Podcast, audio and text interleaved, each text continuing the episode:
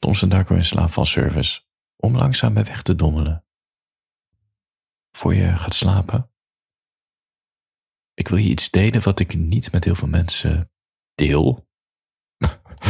Sowieso niet op feestjes. Ik eh, spreek uit ervaring. Dat is dat mijn melancholie 24 uur aanwezig is. Soms op de achtergrond, vaak ergens in het midden, soms heel duidelijk aanwezig. Mijn melancholie is lichter dan je nu denkt.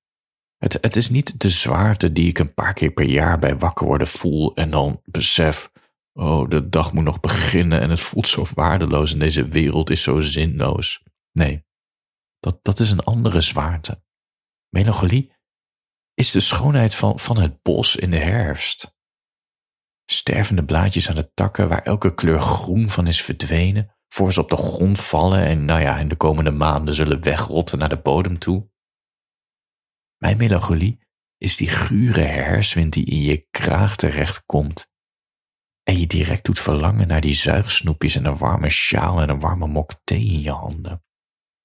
Je moet niet denken dat ik nu gek ben. Nou misschien denk je dat wel, maar ik, ik ben in goed gezelschap. Veel grote denkers, schrijvers, filosofen, schilders, kunstenaars, die konden niet zonder hun melancholie.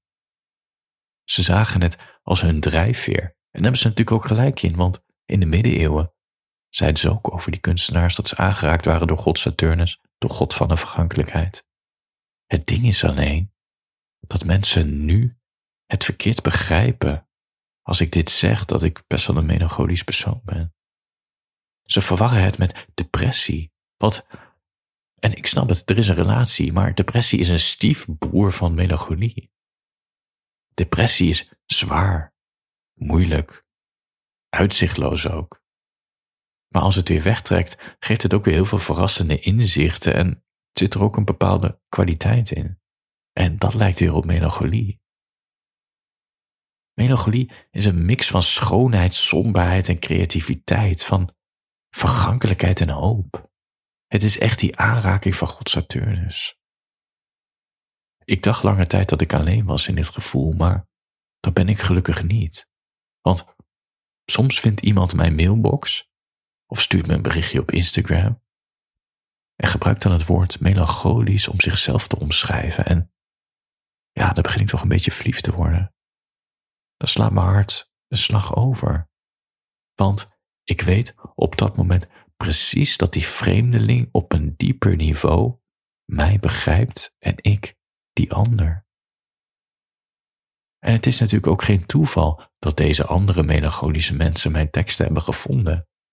Die prikken een beetje door die laag van borderline-achtige banaliteiten heen. Ze zien die kern van melancholie in al mijn teksten die ik maak.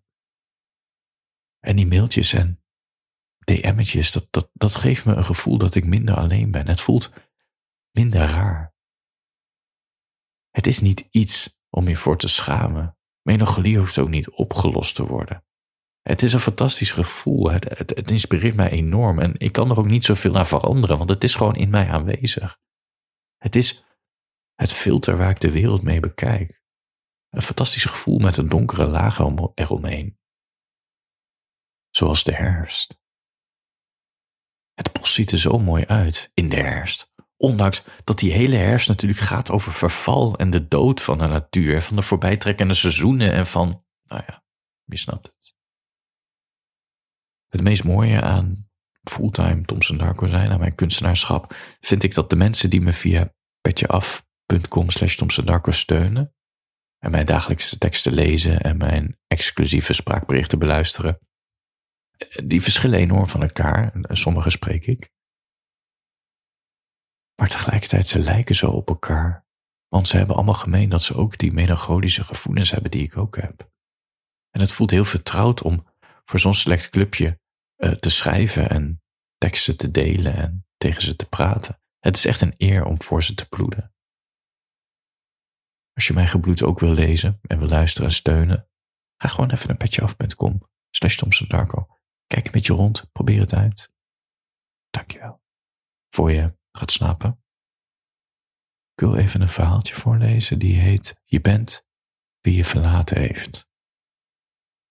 heb deze tekst volgens mij een jaartje geleden gemaakt. En ik probeer op dit moment een aantal teksten van vorig jaar her te schrijven en te verbeteren. Maar toen ik deze tekst zag, dacht ik, nou ja, ik zou niet weten wat ik eigenlijk aan moet veranderen.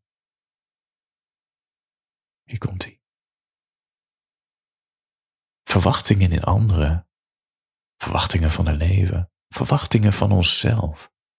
We willen zo graag verbonden zijn met anderen. Minimaal met één persoon. Verbonden voelen met een werkgever. Met een merk, met een voetbalclub. Maar die verwachtingen en die drang naar verbondenheid, die kunnen zo'n pijn doen. Als de verwachtingen niet uitkomen. Als de verbondenheid slechts een illusie bleek te zijn. Dan sluiten we ons ervoor af. Om, het, om die pijn nooit meer te hoeven meemaken. We worden wat ons is overkomen door de mensen die niet meer in ons leven zijn. Alsof mijn ego mij een beeld van hun negatieve persoonlijkheid heeft opgesleurd. Je bent wie je verlaten heeft. Maar wat vind ik dan zo erg aan de pijn? Is de pijn niet het teken dat ik nog leef, dat ik voel? Het startschot om het te verwerken? Misschien wel de enige prikkel die mij ervan weerhoudt om er gewoon mee te stoppen met ademen. Ik heb misschien wel juist de pijn en de somberheid nodig om zaken in perspectief te zetten. Om te beseffen, dit kon anders, voor een volgende keer. Ik moet wel lijden, want dat is het enige bewijs dat ik nog niet dood ben van binnen. We hebben de pijn nodig. Ik heb de pijn nodig. Of zoals Johnny Cash zong. Nine Inch trouwens, waar Johnny Cash heeft ook een versie van gemaakt. Ik heb mezelf pijn gedaan vandaag. Om te zien of ik nog wel voel. Jij, jij hebt me pijn gedaan. Om me te laten beseffen dat ik nog voel. En ik heb jou pijn gedaan. Zodat jij ook weet dat je nog voelt. Ik heb één duidelijke verwachting van het leven. En dat is dat ik nog heel vaak pijn mag voelen.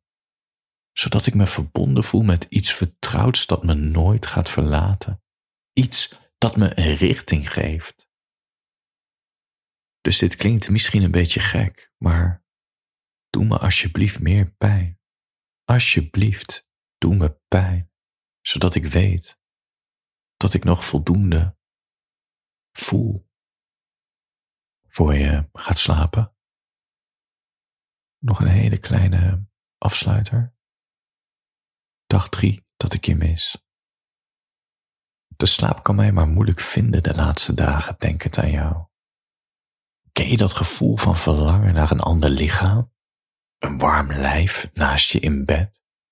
Een arm die om je middel wordt geslagen? Een stem die zegt, tot de maan en weer terug? Een ademhaling om bij weg te dommelen? Ogen die je aankijken bij wakker worden? Tandpasta smaak zoentjes in de badkamer? Een tik op de bil bij de voordeur? En als je elkaar een halve dag later weer ziet, dat het voelt alsof je weken zonder elkaar hebt geleefd. Wij hadden dat. Elke dag. Het tegenovergestelde woord van eenzaamheid. Tot ik het verpestte. Ik vraag me af hoe koud de plek naast jou in bed in Griekenland is. Waarschijnlijk minder koud dan die van mij. Ik denk aan je. Voor je gaat slapen, houd je eens boven de dekens alsjeblieft. Slaap lekker.